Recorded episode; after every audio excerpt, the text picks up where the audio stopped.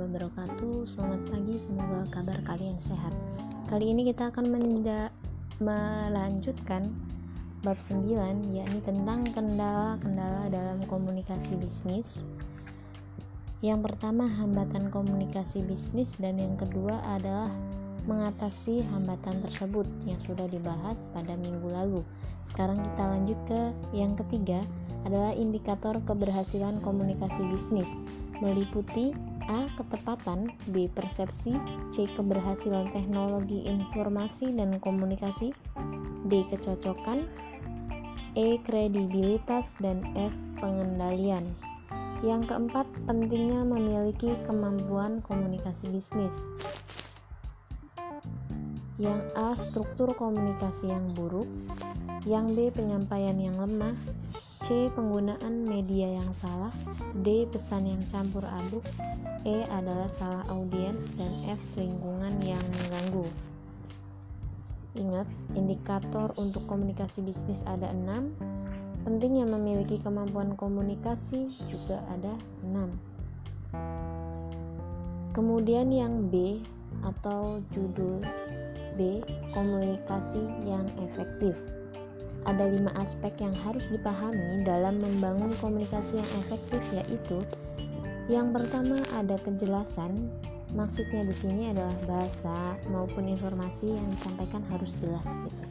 Ketepatan artinya bahasa dan informasi yang disampaikan harus betul-betul akurat atau tepat yang ketiga adalah konteks atau bahasa dan informasi yang disampaikan harus sesuai dengan keadaan ataupun lingkungan di mana komunikasi itu terjadi. Yang keempat ada alur, yang kelima ada budaya. Kemudian untuk strategi komunikasi yang efektif, yang A ketahui mitra bicara, yang B ketahui tujuan penyampaian informasi tersebut, yang C perhatikan konteksnya, yang D kenali kultur atau kebudayaannya, yang E pahami bahasa. Maksudnya di sini pahami bahasa adalah pahami bahasa orang lain yang menjadi mitra komunikan sebagai bentuk penghargaan terhadap lawan bicara. Kemudian lanjut ke nomor 2 adalah faktor-faktor yang mempengaruhi komunikasi yang efektif. Terdapat faktor-faktor yang mempengaruhi kelancaran dan hambatan dalam komunikasi antara lain A. Faktor pengetahuan Pengetahuan yang luas yang dimiliki oleh komunikator dan perbendaharaan kata atau vocabnya baik dapat memberikan dorongan yang bersangkutan untuk berbicara lebih lancar. Yang B adalah faktor pengalaman. Semakin banyak pengalaman yang dimiliki seorang komunikator, semakin menyebabkan seseorang terbiasa menghadapi sesuatu. Komunikator yang sering menghadapi berbagai macam kondisi pada saat komunikasi, sering berbicara di muka umum, akan meningkatkan kekuatan dalam menghadapi keadaan apa pun dengan dan siapa pun. Yang C adalah faktor intelijensi. Ini berkaitan erat dengan akademisi. Orang yang memiliki intelijensi rendah biasanya itu akan kurang lancar dalam berbicara karena kurang memiliki kekayaan vocab atau kosakata dan bahasa yang baik. Cara berbicaranya terputus-putus, bahkan antara kata yang satu dengan kata yang lainnya kurang adanya relevansi atau kurang sesuai. Yang D, faktor kepribadian. Orang yang mempunyai sifat pemalu dan kurang pergaulan biasanya kurang lancar berbicara.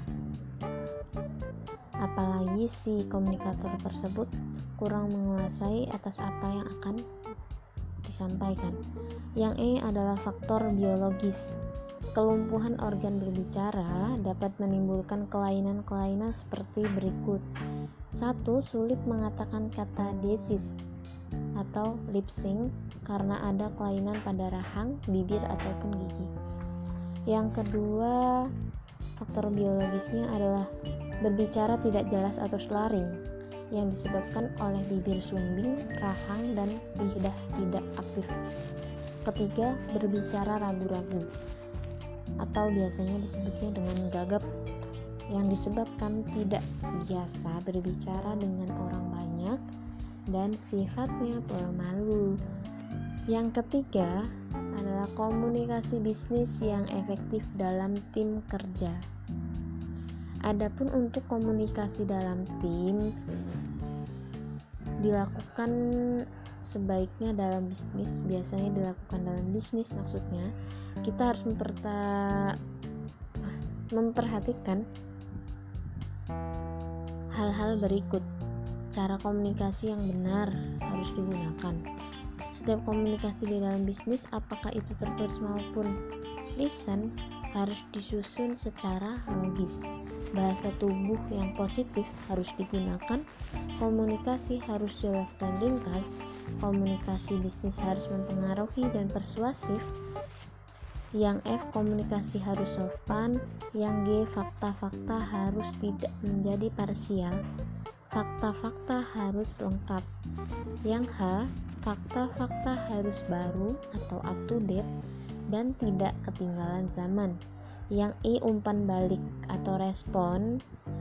Yang J mencoba menggunakan lebih banyak Anda daripada saya. Yang K menjadi pendengar yang aktif. Kemudian yang keempat, sub yang keempat adalah ciri-ciri komunikasi yang efektif dan tidak efektif. Untuk ciri-ciri komunikasi yang efektif ditandai dengan hal yang disampaikan mudah dimengerti. Yang A, yang B terbuka tidak ada pesan dan makna yang tersembunyi. Yang C adalah secara lisan, menggunakan kata-kata untuk menyampaikan gagasan dengan jelas. Yang D langsung atau to the point, tidak ragu menyampaikan pesan tersebut. Yang E adalah asertif, tidak takut mengatakan apa yang ingin dikatakan, apa yang ingin dan mengapa disampaikan. Yang F adalah congenial atau ramah dan bersahabat. Yang G nyambung, artinya menginterpretasi pesan dengan kebutuhan orang lain dengan tepat. Yang H jujur, yang I dua arah seimbang antara berbicara dengan yang mendengarkan.